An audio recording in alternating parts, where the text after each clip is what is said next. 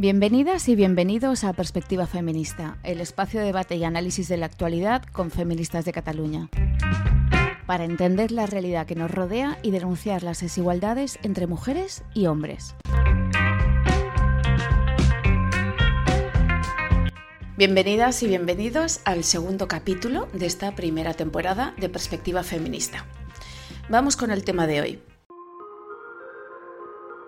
El tema que queremos tratar en este segundo capítulo es el de la violencia sexual, un tipo de violencia que sufren principalmente las mujeres y las niñas. De hecho, según el informe de 2021 sobre delitos contra la libertad e indemnidad sexual en España, casi 9 de cada 10 víctimas de agresiones sexuales son mujeres y niñas, mientras que el agresor es en el 97% de los casos de sexo masculino. Nunca como ahora habíamos oído hablar tanto de violencia sexual, que se ha convertido en motivo de muchas de las movilizaciones feministas multitudinarias de los últimos años. Son muchas las voces que denuncian un aumento significativo de la violencia sexual contra las mujeres y las niñas, y los datos parecen apuntar en esta dirección. Según datos del Ministerio del Interior, en 2022 se produjo un aumento del 38% de las violaciones respecto a 2019, año previo a la pandemia del COVID-19. Y según el Grupo de Estudios Avanzados en Violencia, GEAP, de la Universidad de Barcelona, entre 2012 y 2021 el incremento de los delitos sexuales registrados ha sido de un 89%.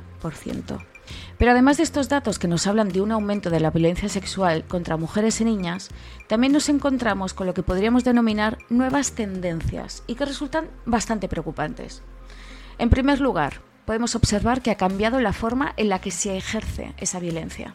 De nuevo, según datos del Ministerio del Interior, el aumento de violaciones grupales durante los últimos años ha sido tan alarmante que desde la famosa violación grupal cometida por la manada de Pamplona durante los Sanfermines de 2016, se calcula que en España se han producido alrededor de 3.000 violaciones grupales. En segundo lugar, dato terrorífico, disminuye la edad de las víctimas y de los agresores. Y mucho, luego lo veremos con detalle. En tercer lugar, la autoría de estas agresiones y los espacios donde se producen también han cambiado. Tendemos a pensar que las agresiones sexuales se producen en un callejón solitario y oscuro o en un lugar apartado, y en general a manos de desconocidos encapuchados, pero la realidad es otra muy distinta. Y es que, según los datos del último informe anual del Hospital Clínico de Barcelona, que es el centro de referencia en la atención a las mujeres mayores de 16 años víctimas de agresiones sexuales en Barcelona, casi el 60% de las agresiones se produjo en un domicilio y la mitad de las mujeres conocía al agresor o los agresores. Y si todo esto nos pone los pelos de punta, habría que destacar un dato más. Se calcula que únicamente se denuncian entre un 10 y un 15% del total de los crímenes de carácter sexual, fundamentalmente por miedo a la revictimización. Es decir, la amplia mayoría de las mujeres víctimas de violencia sexual no llega a denunciar estos hechos por miedo a ser cuestionadas, juzgadas e incluso acusadas de denunciar falsamente. Y ante esta dolorosa realidad hay que plantearse algunas preguntas. ¿Qué está pasando? ¿Por qué tanta violencia contra mujeres y niñas? ¿Por qué parece que cada vez más esta violencia sexual se practica en grupo? ¿Por qué los agresores son cada vez más jóvenes e incluso algunos son menores de edad? Y por encima de todo, ¿dónde aprenden estos comportamientos? Y en respuesta a estas preguntas, numerosos estudios apuntan cada vez más al consumo de pornografía. Unos contenidos audiovisuales cada vez más violentos, un consumo cada vez más extendido gracias a las grandes plataformas de Internet y un acceso a estos contenidos de forma cada vez más precoz. Uno de estos estudios es el que publicó Save the Children en 2020, un estudio en el que participaron 1.753 adolescentes de entre 13 y 17 años, y donde se abordaban dos temáticas principales, el consumo de pornografía en la adolescencia y la influencia de este consumo en los y las adolescentes. Según los resultados de esta investigación, y solo voy a destacar algunos, los que me parecen más llamativos, para el 30% de las personas encuestadas, la pornografía es su única fuente de información sobre prácticas sexuales. Y el 54%, mayoritariamente chicos, creen que la pornografía proporciona ideas para sus propias experiencias sexuales y al 55% le gustaría poner en práctica lo que ha visto. De hecho, el 47,4% de los adolescentes que ha visto contenido pornográfico ha llevado alguna escena a la práctica. Y cuando intentan imitar lo que ven, no siempre solicitan consentimiento previo a su pareja sexual. De hecho, el 12% de los chicos lo ha hecho sin el consentimiento explícito de su pareja sexual y sin que a ésta le haya parecido bien. Él era un violador cualquiera, tenía por delante toda una vida de alegrías y penas y libertad sexual. Pero no calculó, nunca pensó que un día una mujer sobreviviera a su agresión, dejase de ser víctima tomando la cerilla y el bidón.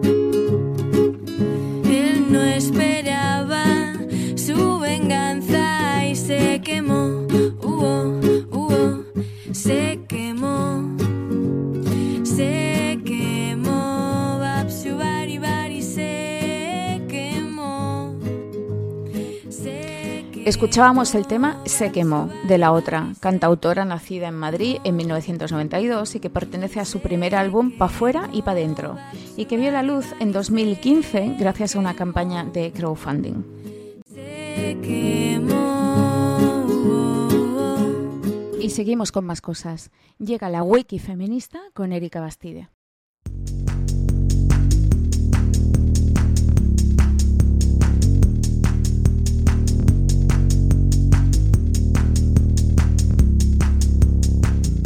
Esto es la Wiki Feminista. Yo soy Erika Bastide y hoy hablaremos sobre violencia sexual.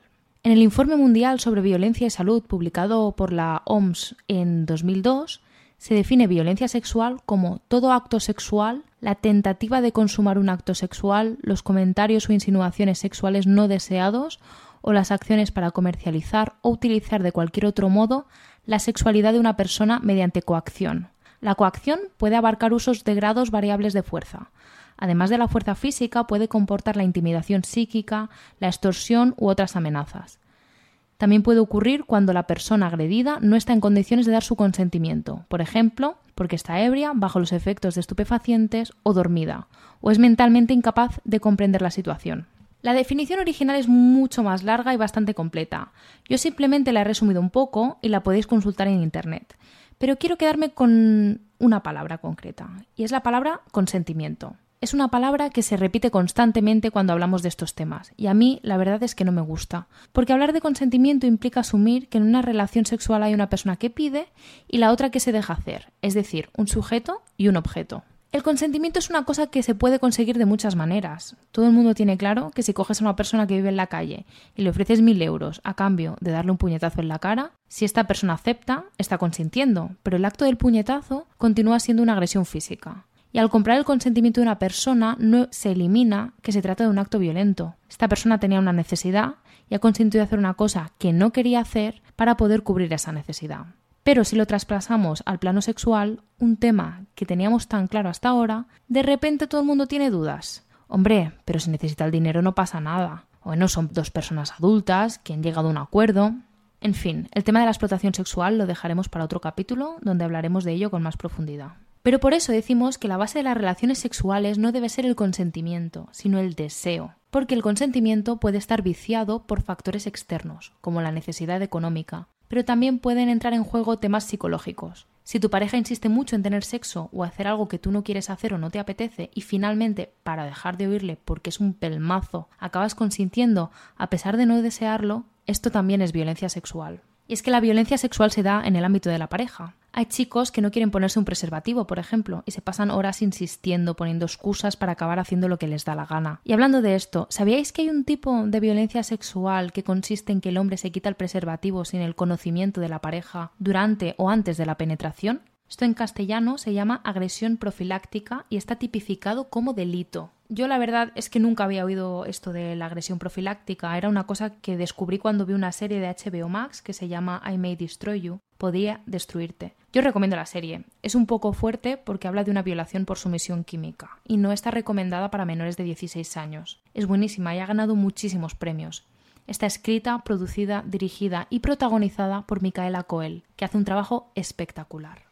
Y nosotras nos seguimos preguntando, ¿de dónde sale toda esta violencia sexual? Porque claro, un chico que no tiene ni idea de qué es el sexo, ¿cómo puede acabar ejerciendo violencia sexual sobre su pareja? Nosotras nos basamos en estudios que lo relacionan con el consumo de la pornografía. Hay una frase de Mónica Lario, autora de Política Sexual de la Pornografía, que resume muy claramente la posición de las feministas sobre la pornografía, porque así de entrada decir que estamos a favor de su abolición parece que seamos todas unas puritanas. Pero es que las feministas no estamos en contra de la pornografía por lo que pueda tener de sexo, sino por lo que tiene de violencia.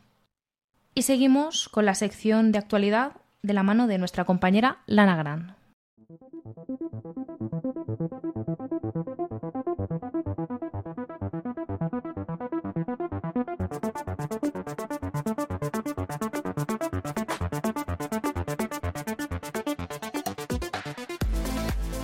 Bienvenidas al espacio de actualidad con perspectiva feminista en el que trataremos un tema de vital importancia, la violencia sexual que sufren las mujeres.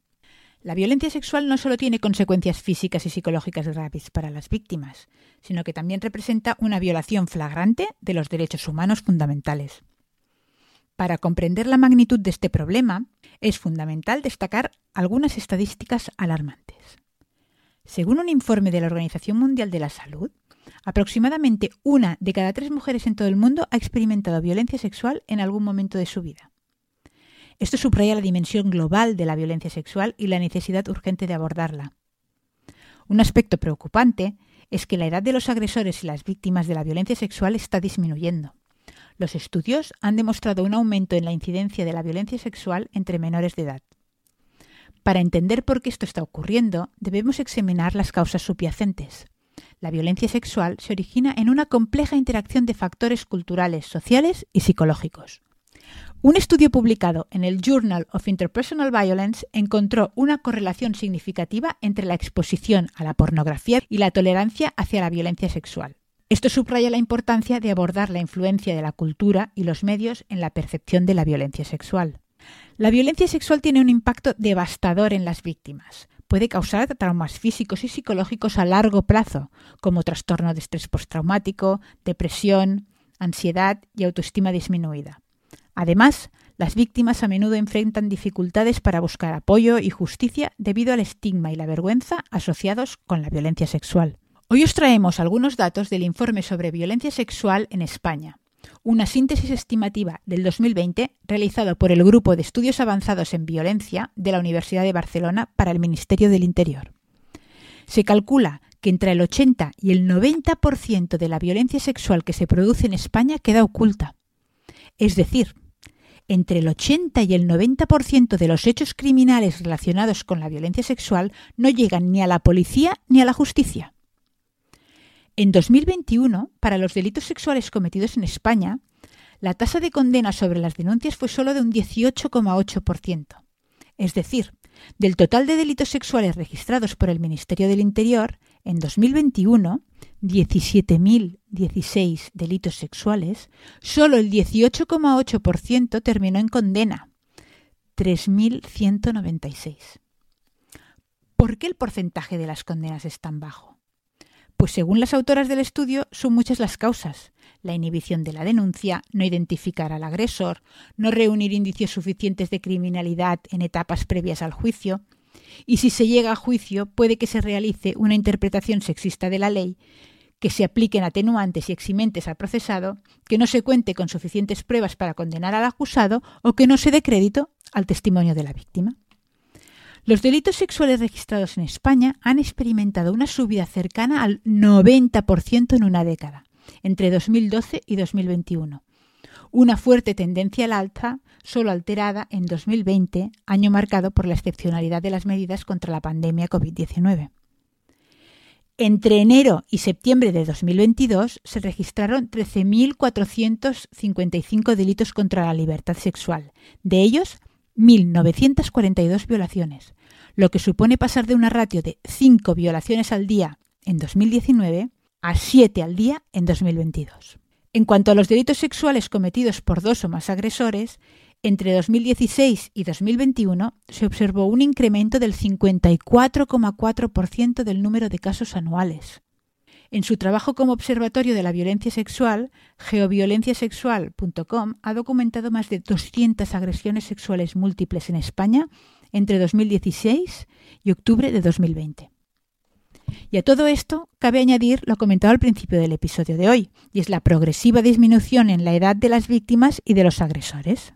¿Y a qué se deben estos datos tan espeluznantes? Pues creo necesario volver a insistir en que la mayoría de los estudios actuales apuntan al consumo de pornografía y al imaginario que alimenta y que se ha convertido en un grave problema antieducación sexual para los menores. En esta pornografía figura el gangbang como modalidad frecuente en el visionado en el que grupos de tres o más hombres utilizan sexualmente a una mujer. En resumen, la violencia sexual es una realidad inaceptable que afecta a millones de mujeres en todo el mundo.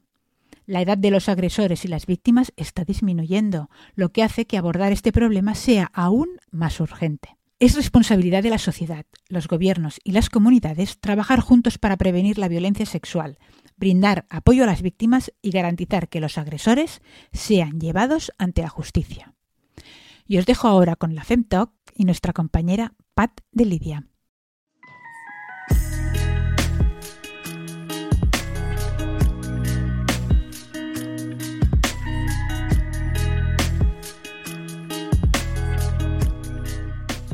Y en nuestra FemTalk de hoy hablamos con la doctora Luisa García Esteva, psiquiatra y presidenta de la Comisión de Violencia Machista y Salud del Hospital Clínico de Barcelona, que se creó hace ahora 30 años. El trabajo prioritario de esta comisión fue crear un protocolo integral de atención a las víctimas de violencia sexual que se pudiera ofrecer 365 días al año y 24 horas al día en la ciudad de Barcelona, un modelo de atención que se ha convertido, por cierto, en un referente a nivel internacional. Hola Luisa, bienvenida. Hola Pat, muchas gracias por entrevistarme.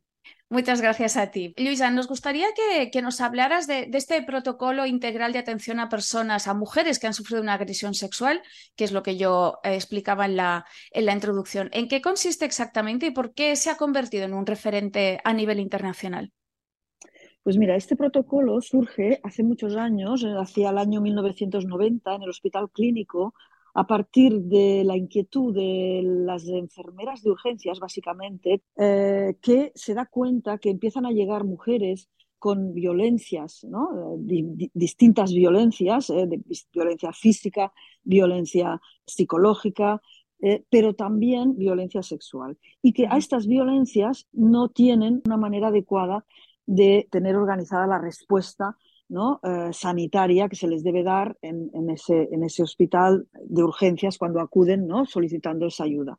A partir de ahí se crea una comisión, que es la Comisión de Violencia del Hospital Clínico, para elaborar eh, esas buenas prácticas, esos protocolos, antes incluso de que se hablara y de que saliera la ley eh, integral de la violencia de género, que se hablara de la violencia machista. Todo esto ocurre antes porque eh, los dispositivos de salud, cuando hay sensibilidad en los temas, se ven abocados a dar unas respuestas que siempre aparecen antes que las leyes, que, las políticas, ¿no? porque hay mm. que dar una respuesta a la salud que ha sido dañada. A partir de ahí, eh, esta comisión empieza a mm, desarrollar lo que hemos llamado ¿no? las buenas prácticas en la atención a la violencia machista y dentro de esas buenas prácticas elabora un protocolo mm, dirigido a la violencia sexual, a la violencia sexual de cualquier contexto, en el contexto de pareja, en el contexto de prostitución, en el contexto, mm, en cualquier, ¿eh? es decir, no solo en violencia de pareja, porque ya entendimos en, su momento que eh, la violencia sexual es un tipo de violencia machista y que como tal hay que entenderla y hay que dar la respuesta a estas mujeres cuando vienen eh, solicitando eh, la ayuda, ¿vale?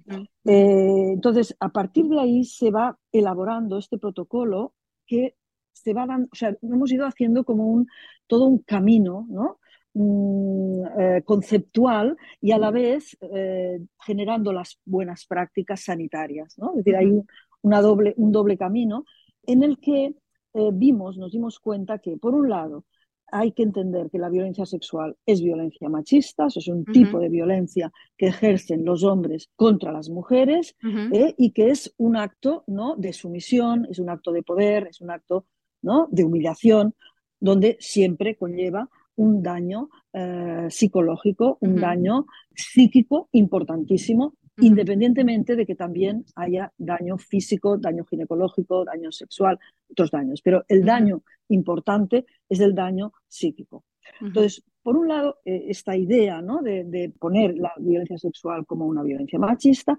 Por el otro lado, la idea de que la violencia sexual es un tema de salud, es un tema de salud pública, porque la violencia sexual es universal, está muy extendida, eh, ocurre en, diferentes contextos, ocurre en, todos los lugares y que, por tanto, se convierte en un problema donde los dispositivos de salud han de dar una respuesta adecuada y una respuesta universal, es decir, no puede ser eh, estos sí, estos no, estos no saben, ¿no? A partir de aquí entendemos que la violencia sexual debe eh, recibir un tipo de respuesta donde se tenga en cuenta que es una violencia machista, que es un, un problema de salud pública con un daño ¿no? a la salud mental y que además es un delito, es un delito contra eh, los derechos humanos y contra los derechos de las mujeres y su integridad sexual. Por tanto, la respuesta sanitaria debe incluir también todos estos conceptos y facilitar ¿no? la em, interposición de denuncia, facilitar el que las mujeres puedan ejercer sus derechos, ¿no? su derecho a denunciar, su derecho ¿no? a solicitar ¿no? lo que tengan que solicitar, una justicia, una indemnización y todo eso ¿no? en el acto de dar respuesta, ¿no? de la atención sanitaria en urgencias, todo eso debe quedar comprendido, debe quedar recogido y las mujeres deben salir del servicio de urgencias con la atención a su salud dañada, ¿no? resuelta, pero también con todos estos otros servicios o, documentos o lo que necesiten, ¿no? Para luego poder poner una denuncia. Esto quiere decir que tuvimos que montar un protocolo integral que llamamos. Hmm. ¿Por qué? Porque vamos a desarrollar toda una, toda una serie de intervenciones de enfermería, de trabajo social, de ginecología, de eh, psiquiatría y infectología, porque entendemos que básicamente, por lo menos, por lo menos, estas tres eh, áreas van a estar dañadas. Puede haber además la necesidad pues, de avisar a traumatología por heridas, por, por arrancamientos de pelo, por eh, quemaduras, por, o sea, hay muchas, hay muchas lesiones físicas que acompañan. Claro, o cirugía, me imagino, incluso. Cirugía por heridas uh, cirugía por violencia anal. Esta es otra cosa que hemos ido, hemos ido hemos ido como perfeccionando en el sentido de que las mujeres no comentan o no suelen comentar muchas veces que no solo ha habido, ha habido una violación ah, vaginal, sino que muchas veces hay vaginal, anal y oral. Y la, ¿no? la violación anal también debe ser atendida y eso lo hacen los cirujanos. Por tanto, ahí añadiríamos cirugía. Pero a la vez, en esta eh, intervención, debemos procurar que mm, la mujer consiga todas aquellas pruebas que necesitará en caso de que quiera eh, interponer una denuncia. ¿Y esto cómo lo hemos planificado? Pues lo que hemos hecho es trabajar con el Instituto de Medicina Legal y Forense de Barcelona y cuando la mujer eh, acude al servicio de, urgencias, nosotros nos ponemos en contacto con el juzgado de instrucción que está de guardia ese día y avisamos de que eh, hay una víctima de violencia sexual para ser atendida en urgencias. El juez o la jueza, ¿vale? Tiene la potestad de decidir si envía a una profesional de la medicina legal o forense a, al clínico para que eh, se realice la visita conjunta entre los especialistas que nosotros por protocolo van a intervenir junto con el profesional de la medicina forense. ¿Y de, y de qué suele depender que esa visita sea conjunta? Es decir, que se mande un profesional de la medicina mm. forense. Eh, eh, o sea, tiene que solo, solo ocurre cuando el juez o la jueza ve indicios de delito o Sí, esto ha ido cambiando también, es decir, este protocolo ha ido también, aparte de eh, creando, generando nuevas prácticas, ha ido también modificando la actitud de los demás profesionales. Y esto creo que es un gran logro, porque desde los profesionales del propio clínico, que al principio la, persona que está en la puerta que tiene que decidir si aquello es una urgencia o no es una urgencia, o qué tipo de urgencia es, o si, ¿no? si la etiqueta como una agresión sexual o no, desde esa modificación, ¿no? donde nosotros decimos, no, no, cualquier persona que llega diciendo que ha sido agredida sexualmente o que tiene indicios de que puede haberlo sido, o que hay otra persona que dice, mira, la hemos encontrado en una playa, la hemos encontrado eh, sin ropa interior, o todo lo que significa indicios, esta persona inmediatamente y sin mediar ninguna cuestión ni ninguna pregunta, entra y va a ser atendida como una agresión sexual. En cuanto a la judicatura, en cuanto a la judicatura, eh, nos pasa lo mismo. Nosotros nos ponemos en contacto y es la judicatura, o sea, el juez o la jueza, que decide. ¿Y en, qué, en base a qué decide? A su criterio. Mm. A su criterio. Es decir, eh, lo que pasa que a medida que van entendiendo que, aunque no puedas demostrar que ha habido agresión, o sea, nosotros a veces, por por lo que la paciente informa en la puerta de urgencias, no sabes si ha habido una penetración o no ha habido una penetración, no lo sabes, pero es igual. Nosotros tenemos indicios de que puede haber sido una, una agresión sexual. Ahí es donde la jueza o el juez tiene que eh, dilucidar ¿no? qué hace, ¿no? si mm, actúa con rigor, lo cual debería enviar a, forense, y el forense en, el, en, el, en plena asistencia puede recabar pruebas y luego ya si desestiman de que esto, pues mira, esto resulta pues que no, pues que sí, pues lo dejan. Vale más, en nuestro caso, siempre, ¿no? Eh, falsos positivos, en el sentido de que, bueno, hemos recogido unas pruebas, hemos hecho una actuación que luego no, no, tenía sentido porque acabado pues que esto no, no era tal, que no al revés. Si lo era, se han perdido las pruebas, la jueza o el juez no ha enviado a forense, por lo tanto, todas aquellas pruebas que tenían que haber sido recogidas en ese momento, porque si no luego ya han caducado, ya no sirven, mm. no sé, no, nosotros no podemos, aunque quisiéramos, mm, esto es otro aspecto muy interesante de la ley del solo sí es sí, que permitirá o mm, propone que los hospitales, como por ejemplo el nuestro, que tiene todo este protocolo, diseñen una cadena de custodia delegada, es decir, podamos recoger nosotros las pruebas, aunque no venga eh, eh, o no envíe el juez eh, a ningún forense, pero que nosotros estamos atendiendo a alguien, podemos recoger las pruebas, mantener, o sea, elaborar una cadena de custodia conforme aquellas pruebas son de esta persona, esta ropa es de esta persona, y eso lo certifica una profesional del, hospital, y luego enviar todo esto al, instituto forense para que allí lo tengan en, guarda, ¿vale? Y en caso de que la, la mujer pusiera una denuncia más adelante, esas pruebas están ahí y las puede utilizar. Claro. Si no, todo eso no es válido. Entonces ahí tenemos un cierto, eh, bueno, rifirrafe con la, con la justicia, porque la verdad es que no ha sido muy diligente con todos estos temas, está costando que cambie su, su visión, ¿no? Decir, bueno, si no estáis seguras, ¿para qué avisáis? ¿no? Esto nos, nos lo dicen a veces. O si no se acuerda, ¿eh? Esta es otra. Mira, eh, estaba en una discoteca, eh, bebido tal cual, eh, tengo una, ¿no? Y luego me he encontrado pues en una, en una habitación de un hotel con la sensación de que alguien estaba encima mío, pero no recuerdo y no, no, no, puedo, no, no, puedo ofrecer el relato de una manera ¿no? coherente y, mm.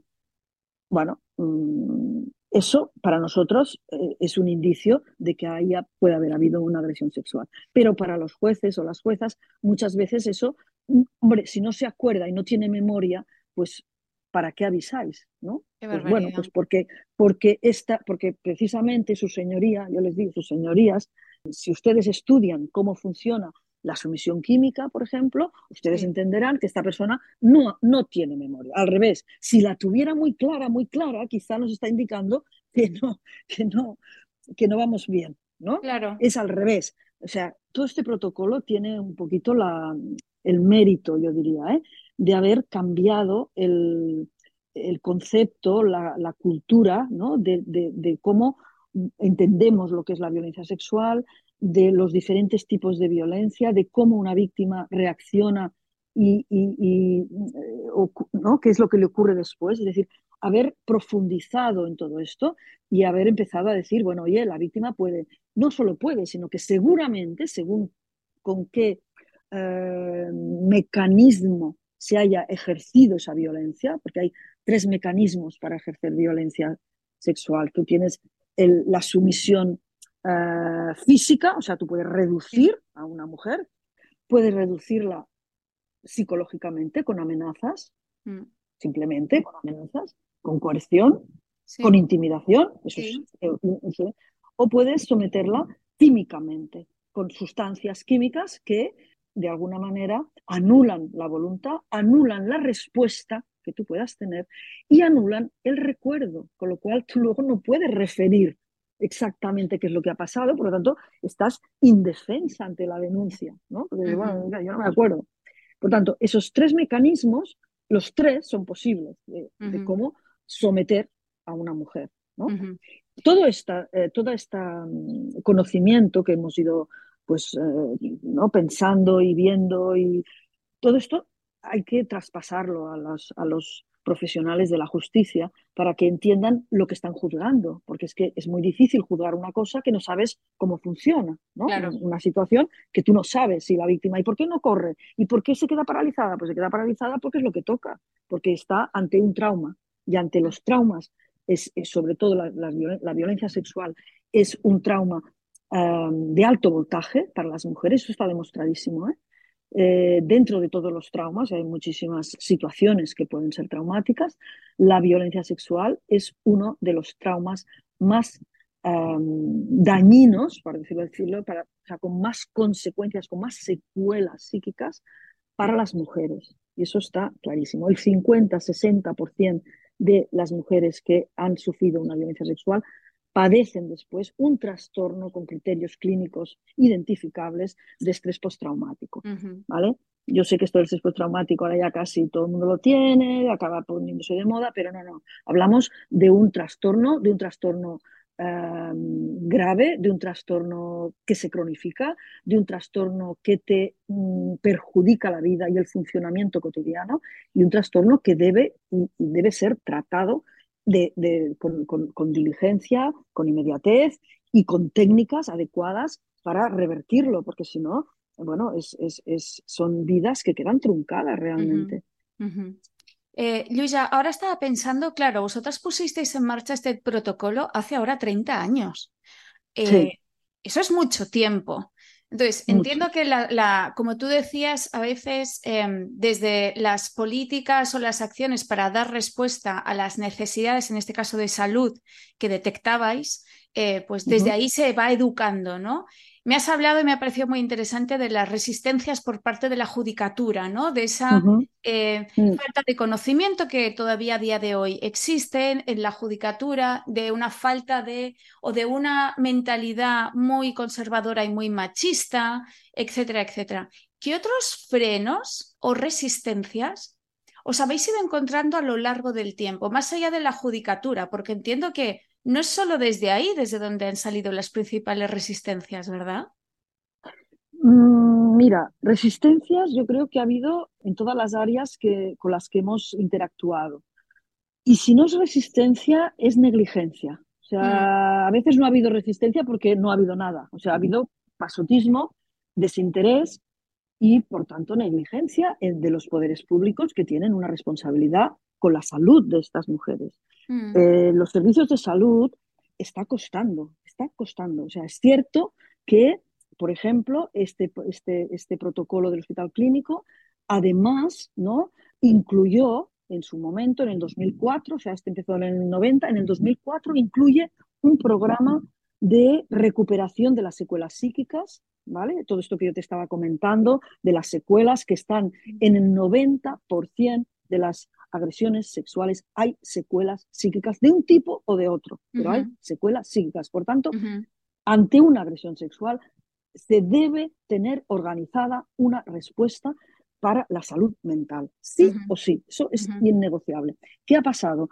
Bueno, los, todos los, eh, las, la, eh, la, administración sanitaria y también las, las, políticas, eh, las, consejerías, estaban lejos de todo este tema. Son temas que como afectan a mujeres, y eso enlaza con otros temas que podríamos tocar, que son propios de mujeres, porque la violencia sexual a quien más afecta es a las mujeres, esto lo tenemos clarísimo. Em, bueno, primero no se ha considerado que era un tema de salud. Si resulta que te han violado, pero estás viva y estás bien, y no, no, has cogido una enfermedad de transmisión sexual, pues bueno, pues, pues ya está, ¿no? Sigue, sigue con tu vida, ya sé que lo pasarás mal, pero ya está. O sea, no se ha considerado que era un tema de salud y un tema de salud importantísimo, ¿vale? Cuando todo esto se va, ¿no? Se va intentando eh, que, los, que las políticas y los políticos entiendan que tienen una responsabilidad, entonces ahí empiezan a, eh, bueno, pues por ejemplo, este programa pues le dan, lo financian en parte, empiezan a ver que sí, que quizá hay que organizar la respuesta, ¿vale? Organizar la respuesta para que toda la comunidad eh, sanitaria, la, medicina de familia, ginecología, los centros de salud sexual y afectiva, todo, todo los circuitos que están en contacto con, con estos temas tienen que tener conocimiento, es decir, formación en perspectiva de género, en violencia machista y en violencia sexual. Necesitamos estas formaciones y después, si me apuras, en trauma y salud mental. Porque si no, lo que hacemos es siempre chapucero. Es decir, cuando ya decimos, vale, sí, sí, es verdad que las mujeres importan, sí, sí, es verdad, es verdad, vale, vamos a, vamos a hacer algo. Y entonces, ¿qué hacemos? Hacemos una cosa de estar por casa. Y no, necesitamos ciencia de primera, de primera línea, no, no, de primera línea, lo último, lo, investigación, eh, lo que funciona, eh, personal formado, y todo esto no lo tenemos. Pat.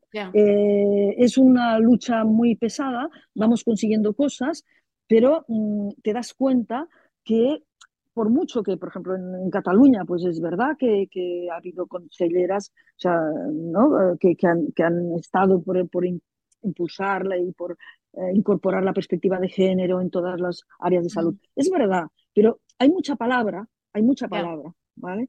Y, y, luego poco dinero, poca inversión, poca seriedad, poco esfuerzo. Yo te diría poco esfuerzo, porque hay cosas que no necesitan tanto dinero, necesitan esfuerzo, ¿vale?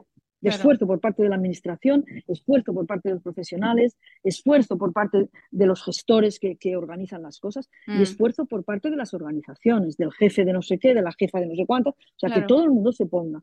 Y eso no se consigue. Entonces, vas consiguiendo cosas, pero que, mm, bueno, que, tienen un ámbito bastante local, que ahí se aplican, que es verdad que hay un reconocimiento, que es verdad que nos piden, ¿no? Ahora, el poder aplicar este protocolo a mujeres, que, a, refugiadas, a migrantes que vinieran de Ucrania pensando en si podían haber sido eh, víctimas de violencia sexual, porque claro, pensamos en los, que vienen ¿no? y les damos eh, según qué tipo de asistencia, pero no pensamos en que las mujeres lo que les va a pasar en, en estos contextos de guerra o les puede pasar es ser víctimas de violencia sexual. Y eso hay que pensarlo y hay que ofrecerles ¿vale? Bueno, mm. esto lo hemos montado, les hemos ofrecido este protocolo para las que vengan a Barcelona, ¿vale? Pero con las de Sarajevo, con las de Bosnia-Herzegovina, eh, ya también eh, nos pidieron a ver si podíamos eh, traspasarles o hacer algún tipo de intercambio con este protocolo, ¿vale? Porque es un protocolo que al final tiene muy bien definidas todas las, las necesidades que se han ido viendo que tienen estas víctimas, ¿vale? Para que la respuesta sanitaria y la respuesta judicial y la respuesta social al final, ¿vale? O sea, la respuesta de todo el mundo esté bien organizada. Y cada vez vamos, viendo más claro que la respuesta sanitaria es la que tiene que liderar de alguna manera. Mm. Porque nos hemos, si te fijas, hemos estado muy preocupadas con el tema de la denuncia. Que si denuncia, que si no denuncia, que si comes, que si, que si vas a la comisaría, que no te creen, que te creen, que te dejan de creer. Bueno, mm. mira, la denuncia la puedes poner años después no tienes que ir corriendo a la comisaría, pero en cambio tu salud sí que las de mm. priorizar. Mm. Entonces, a las víctimas las hemos hecho creer que lo que es más importante es la denuncia. Bueno, será para los demás, ¿no? Será Mm. para la sociedad, que es muy importante detener, detener al delincuente, detener al agresor, para que no lo repita. ¿Vale? Mm. Para nosotros es muy importante, pero para la víctima lo, lo prioritario es su salud. Claro. Por tanto, ahí, ahí hay que poner el foco. Y muchas veces eso no se hace así. Desde Mm. cuando las políticas empiezan a, a- a decir, vale, vamos a organizar esto. Entonces, ¿cómo lo organizan? Pues desde su modelo, ¿no? Que es un modelo más, pues eso, la denuncia, el machismo, hay que, bueno, sí, todo esto está muy bien, pero la víctima primero. Y la salud de la víctima primero. Luisa, es inevitable pensar, claro, me decías de pues otros países y ciudades concretas, ¿no? Que conocen este protocolo, lo quieren aplicar o, Mm. o- o- o ponéis en marcha programas para atender a mujeres que vienen de fuera y que han Mm. podido ser víctimas precisamente de, de esas violencias sexuales.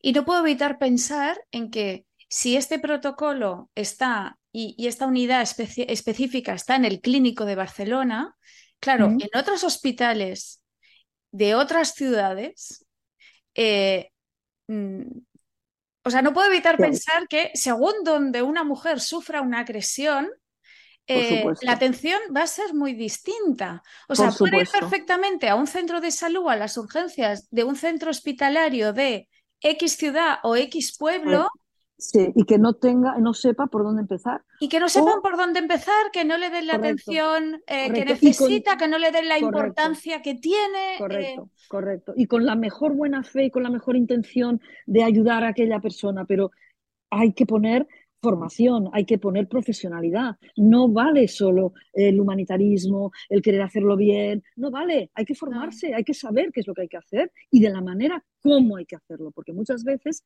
haces cosas que luego no sirven para nada y es más, perjudicas o revictimizas o, o- o- ¿no? Entonces, eh, eh, tiene, o sea, llama mucho la atención de decir, óigame, ¿por qué si la violencia sexual está en los medios de comunicación día sí, día no, actualmente, ¿vale? Mira, antes nadie hablaba, pero ahora resulta que está en todos los medios. Sí, sí, sí. ¿Cómo puede ser que no estemos, que no haya una mesa nacional, eh, puede ser autonómica o puede ser nacional o puede ser, ¿no? ¿Cómo puede ser que no estemos todos o todas sentados y diciendo, vamos a ver, el circuito, la organización, el protocolo, cómo vamos a atender a estas víctimas, esto lo hemos de resolver y si no, no nos levantamos de la mesa, porque no es tan complicado.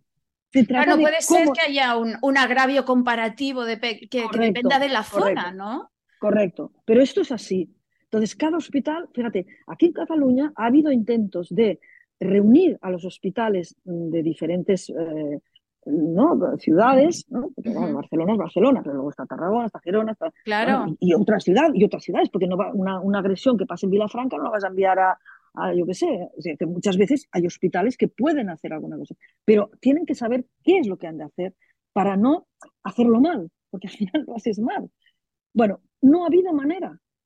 Entonces, ¿esto cómo se le llama desde el punto de vista político y de gestión? ¿Cómo se le llama a algo que pudiéndose hacer, pudiéndose hacer, porque los medios los tenemos, sabemos lo que hay que hacer, pues no Eso es ese- dejación de esa- funciones y falta de voluntad política. Correcto, y por eso yo decía negligencia al principio, pero es Claro. como decir, vea, esa- ese desinterés, que es lo que ha Mm. presidido en muchos temas que afectan a las mujeres, ¿eh? O sea, que es como un- algo de segunda categoría que puede esperar, que bueno, que ya vamos, ¿eh? ya, ya tenemos el interés, ¿eh? Y entonces muchas declaraciones, muchas siempre, ¿no? Todo el mundo lo tiene en la, sí, sí, sí, vamos a hacerlo, ¿eh? Y luego, la- la- cuando coges, ¿no? Eh, encuentras una víctima, claro, lo que no puede ser es que te llamen. A ver, mira, oye, eh, eh, esta, eh, te- tengo una amiga que le ha ocurrido esto en, yo qué sé, en el pueblo de no sé dónde. No sabe qué hacer, no sabe dónde ir, a dónde tiene que ir. Eso tendría que, no, no tendríamos que tener un mapa, un mapa de servicios. Pues mira, Un circuito, un circuito claramente Claro. definido. ¿Y eso es tan complicado? Pues mirad, sí, es complicado porque no está hecho. Ni aquí, ni en Madrid, ni en no sé dónde. Pues Madrid, por ejemplo, tiene un centro de crisis de 24 horas, tiene otro, otro modelo de atención. Pero ¿qué pasa? Pues que ellos han eh, desarrollado un modelo que es distinto, que es un centro de crisis, 24 horas, un modelo más eh, socio, bueno, más social, ¿no? Que sí que intenta dar esa respuesta sanitaria a través del forense, pero que todo lo basan otra vez en el tema de la denuncia. Ya. ¿sí? Y bueno, te vamos a ayudar, vamos a estar contigo, te vamos a acompañar, pero todo está muy centrado en los procesos judiciales, sociales, y en cambio nuestro modelo, el que proponemos, eh, es un modelo eh, sanitario, un modelo, primero la salud, y alrededor de la salud, la salud puede luego interactuar y enviar a, ¿no? a centros de, especializados en esto, en lo otro, lo más allá, y um, bueno, que, que, esa atención sea una atención integral. ¿no? Claro. Ahora, bueno, luego tú ves al psicólogo o ves al psiquiatra para que te haga no sé qué, eso sí vas, porque no vas a ir, porque hay una tendencia a evitar volver al lugar de, o a la situación claro. que tiene que ver con todo eso. Entonces, eso tiene que estar muy bien trazado, muy bien señalizado, muy bien acompañado. Y si no lo está, es muy fácil que eh, estas mujeres se pierden por el camino. A veces tienen tropecientas citas, tropecientas, en, la comisaría, en los servicios sociales, en el médico de Sobantos, en el juzgado, en el forense, en el equipo técnico penal, en el, tropecientas citas y al final están abandonadas en cuanto a su ayuda verdadera, real, eficaz. Bueno, ¿Sí? además es que estoy por, o sea, estoy intentando ponerme en la piel de una de estas mujeres y eso tiene que ser eh, física, mental y emocionalmente tan agotador. Quiero Sí. decir, ¿y de, de dónde sacas tú fuerzas cuando estás en una situación como esa? ¿No? Claro, y fíjate, sí, totalmente. Fíjate O sea, si no tienes ese acompañamiento, Correcto, correcto. ¿cómo Mira, haces? Es que es imposible. Cuando, cuando montamos el, el servicio este de ayuda a la recuperación psicológica, las secuelas Mm. psíquicas, que también es en Sí. el clínico, ¿eh? Lo montamos en el, esto lo monté yo porque, Sí. bueno, estaba, estaba en el sitio oportuno, con la mente oportunamente abierta y claro, yo soy psiquiatra, entonces eh, Claro. lo, lo vi clarísimo. Estaba en la comisión, vi que toda la atención de urgencias estaba muy bien pensada y, y- y- y tenía mucho sentido, pero que cuando las mujeres se iban a su casa, to- todo lo que les pasaba después, pues ahí se quedaba. Ellas no iban al médico o al centro médico, no, no iban a ningún lado, porque ellas no estaban enfermas. A ellas las han violado, pero esto no, no, no están enfermas. Entonces, no van a ningún lado y les empiezan a pasar cosas muy, muy extrañas. No se reconocen, se miran al espejo, no saben quién son, no pueden continuar con su vida, no pueden continuar con sus estudios, empiezan a tener flashbacks, eh, se sienten mal, eh, tienen una ansiedad, no pueden salir a la calle. Bueno, en fin, empiezan a desconectar de las amistades, a desconectar de la familia, o sea, les pasan cosas muy extrañas, pero todo eso no, no pueden depositarlo en ningún sitio. Entonces, ahí eh, pensé, esto hay que recogerlo y entonces Claro. desde, la propio, desde el propio servicio de urgencias ahora se envía una interconsulta directamente a este programa, con lo cual Mm. al día siguiente este programa se pone en contacto con la víctima que ha sido atendida en urgencias y dice, mira, aquí tenemos un programa que podemos ayudarte y eh, podemos visitarte mañana o lo que sea, ¿no? Es decir, se recoge y se da continuidad y con equipos formados y que saben lo que llevan entre manos, porque aunque esta mujer vaya a pedir ayuda al cabecera o vaya a pedir ayuda a la psicóloga de si no tienes formación en esto, es muy posible que no salgan las cosas bien, Claro, ¿no? claro. Entonces, esto es importante que, que se tenga en la mente que lo dañado en la violencia sexual, una vez ha salvado la vida, la es otra, ¿vale? Eh, es la salud mental. Eso hay que dejarlo muy claro. Y por tanto, lo que hemos de organizar tiene que estar ah, en beneficio de la víctima pri- en primera instancia, ¿vale? Y arropándola, acompañándola y, por ejemplo, esto que te, yo te decía, en el- cuando se montó este servicio de, de secuelas psíquicas en el 2004, yo me di cuenta también que eh, las mujeres que querían poner denuncia eh, no podían ir a cualquiera. Entonces, las que tenían dinero buscaban abogados de, alta, de alto prestigio que les cobraban, bueno, todo, ¿no? Eh, pero penalistas, ¿no? Sí. De. Pero ¿qué pasa? Que no sabían sobre violencia sexual. No tenían perspectiva de género ninguna. No hacían ningún tipo de acompañamiento, ¿vale?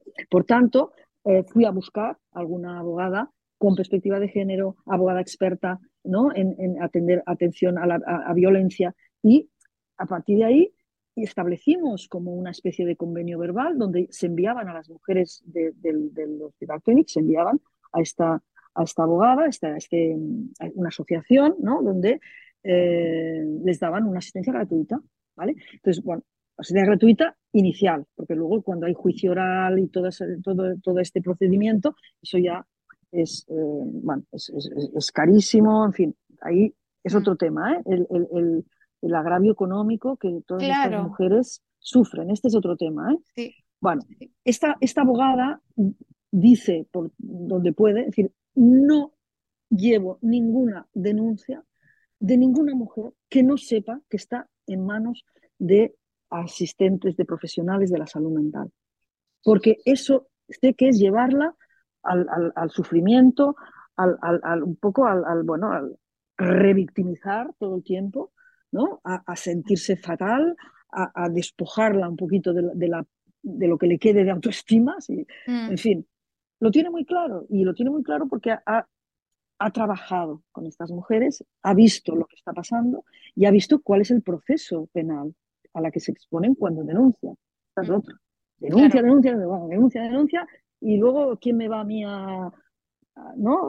¿Quién me va a mí a de hecho, cuando me, cuando me contabas este modelo protocolo que han desarrollado en Madrid, eh, mm. que, está tan mm. mediatizado por el tema de la denuncia ¿no? Mm. y de lo burocrático, claro, al final son como dos modelos, uno más centrado en lo burocrático y un poco en el mensaje que para mí está en el subtexto de eso, que es, mujer, cumple con tu deber de ciudadana de denunciar y entonces a partir de ahí ya veremos, ¿no? Mientras que en cambio el otro modelo es, no, no, tú no tienes ningún deber. Nuestro deber es atenderte a ti y atender tus necesidades. Y ya luego, cuando... Y luego ya vemos. Y, luego, ya veremos. ¿No? o sea, es, son opuestos como modelos. Sí, y yo creo que la ley esta de solo si es sí, un poquito propone estos centros de crisis de 24 horas, y yo creo que van a, bueno, ya veremos, ¿no? Pero van a desarrollar este tipo de modelo más uh, sociojudicial, ¿eh? o sea, a caballo, ¿eh? A caballo, no quiero decir que sea judicial puro, socio, psico, ¿no? Pero eh, siempre con esta idea, ¿no? De, bueno, te acompañamos, te ayudamos, pero, bueno, pues venga, va, aquí a poner la denuncia aquí, a poner... O sea, la salud no queda en primer término, que es un poco lo que yo eh, de alguna manera pienso que mm, no podemos no, no, podemos saltarnos esto, porque al final, ¿la víctima quién es la víctima? Pues la víctima es, la salud, que es lo que ha quedado hecho polvo, ¿no? Mm. Eh, esto es lo que hemos de poner ahí delante. Y, y, su protección, su seguridad, por supuesto. Pero las secuelas, todo lo que pasa después, el post, ¿eh? es decir, vale, la, la, agresión sexual es un tema y el post es otro, ¿vale? Claro, claro. Y, y, y, todo eso es lo que hay, hay que también recoger cuando uno piensa en esos centros, cuando uno piensa en la atención. No es una atención inmediata solo, no es una atención. Y luego tenemos todo el tema, que esto no, he dicho porque ahí no tenemos nosotros, no hemos desarrollado ningún protocolo, de las eh, eh, agresiones sexuales que se revelan, eh, o sea, de la infancia, por ejemplo, que se revelan con los años, que se revelan en la adultez. Ahí, cómo las atiendes, quién las atiende, qué intervenciones haces. Bueno, todo eso está por hacer. ¿Qué, acaba pasando? Pues que se van a la privada, se gastan un dinero, una pasta, porque con, cuatro o cinco sesiones no haces nada, necesitas años, años de, intervención. Claro. Y eso vale X dinero. Mm. Entonces, por eso cuando las víctimas, ¿no? A veces dicen algunas, ¿no? Que hemos podido hablar, que ponen la denuncia y dice, mira, pues que me dice la abogada que puedo pedir indemnización, pero yo no quiero dinero, yo no quiero dinero, no quieren dinero lo, ven mal, ¿sabes? Y yo les digo, claro que vas a pedir dinero. Saca papel y lápiz. Vamos a hacer un presupuesto. Vamos a hacer un presupuesto.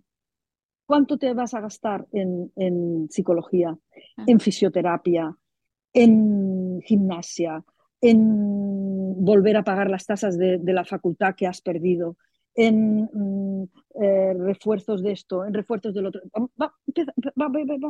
Venga, Vamos a, vamos a hacer en, en, el trabajo que has perdido, vamos a hacer un presupuesto. Y todo eso vas a, pedirlo, porque todo eso tú lo has perdido.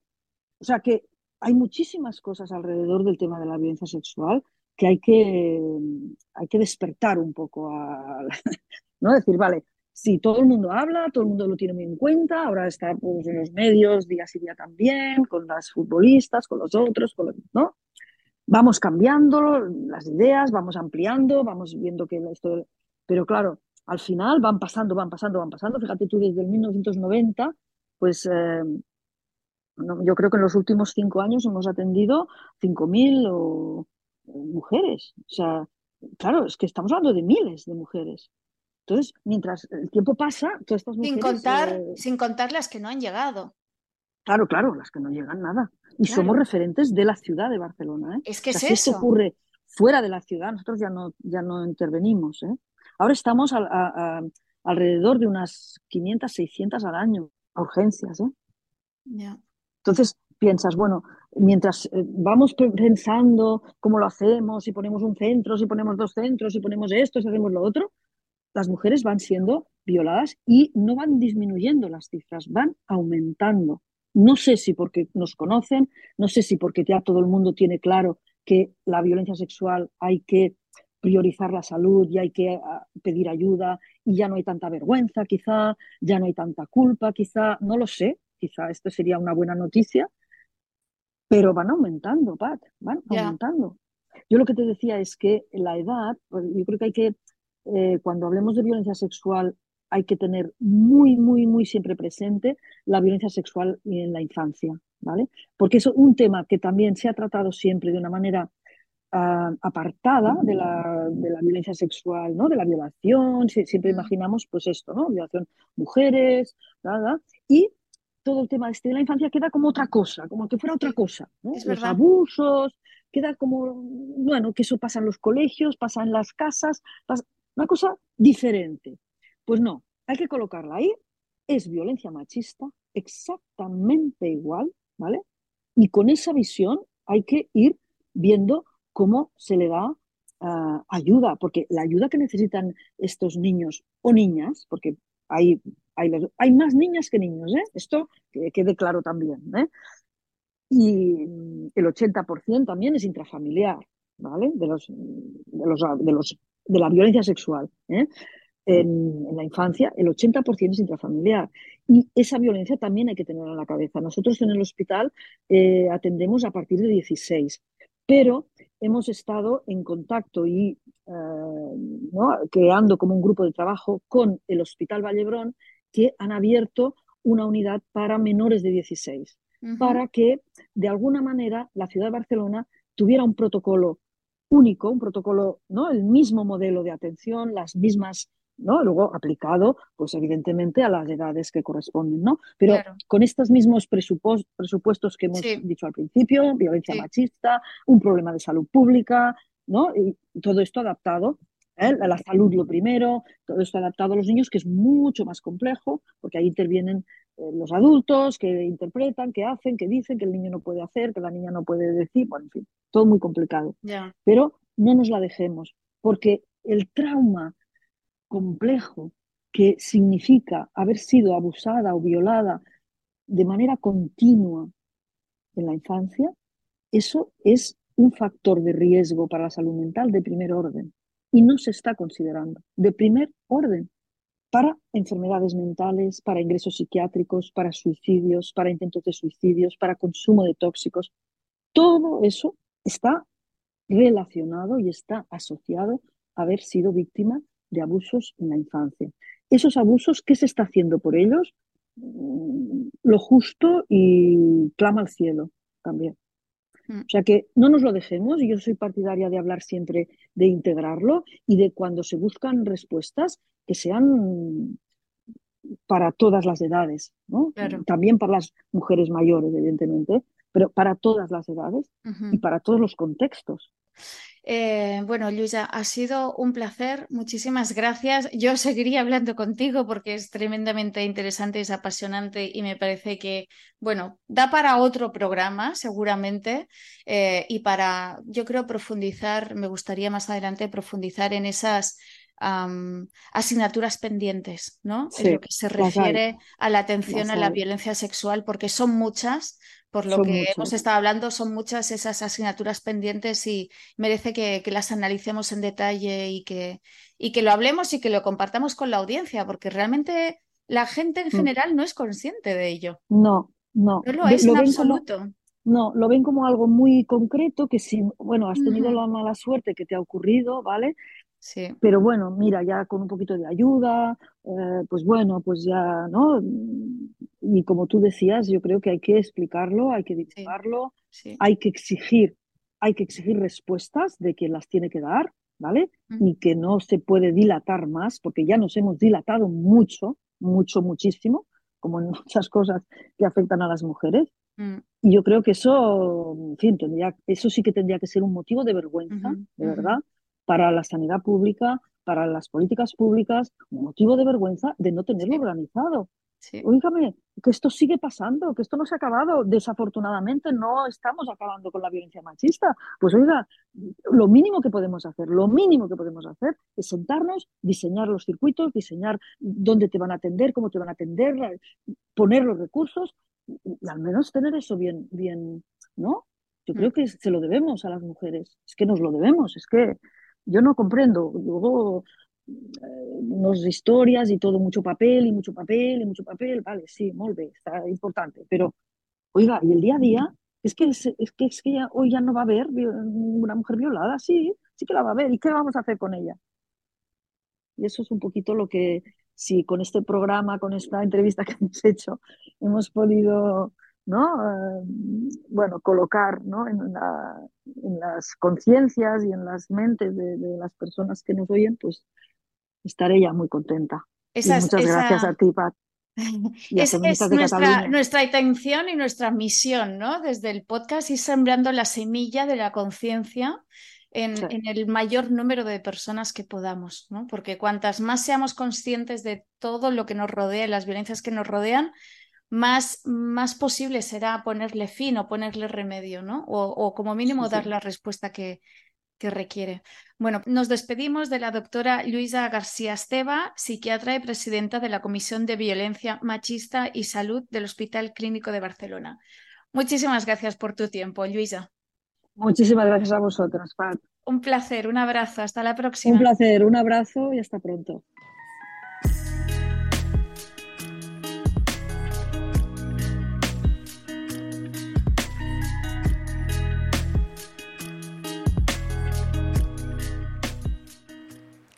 Y hasta aquí el segundo capítulo de Perspectiva Feminista. Gracias por vuestra atención.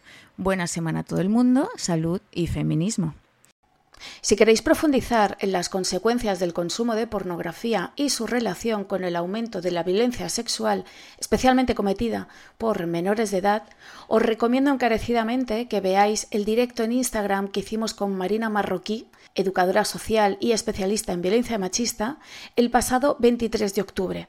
Lo podréis encontrar en nuestro perfil de Instagram y además aprovecho para anunciaros un par de cuestiones que nos hacen mucha ilusión. En los próximos días realizaremos un webinar de formación online de la mano precisamente de Marina Marroquí sobre violencia sexual y la tendremos con nosotras en Barcelona el próximo 25 de noviembre. Así que estad atentas a nuestras redes sociales porque los próximos días os daremos más detalles. Nos despedimos con el tema musical Somos Hermanas de Mel Muñiz, cantante, compositora y multiinstrumentista argentina. Este tema musical pertenece a su álbum Aguerrida de 2020 y es un son con orquestación tradicional cubana que habla de la lucha de las mujeres y de la sororidad. En que unidas somos eternas, guerreras.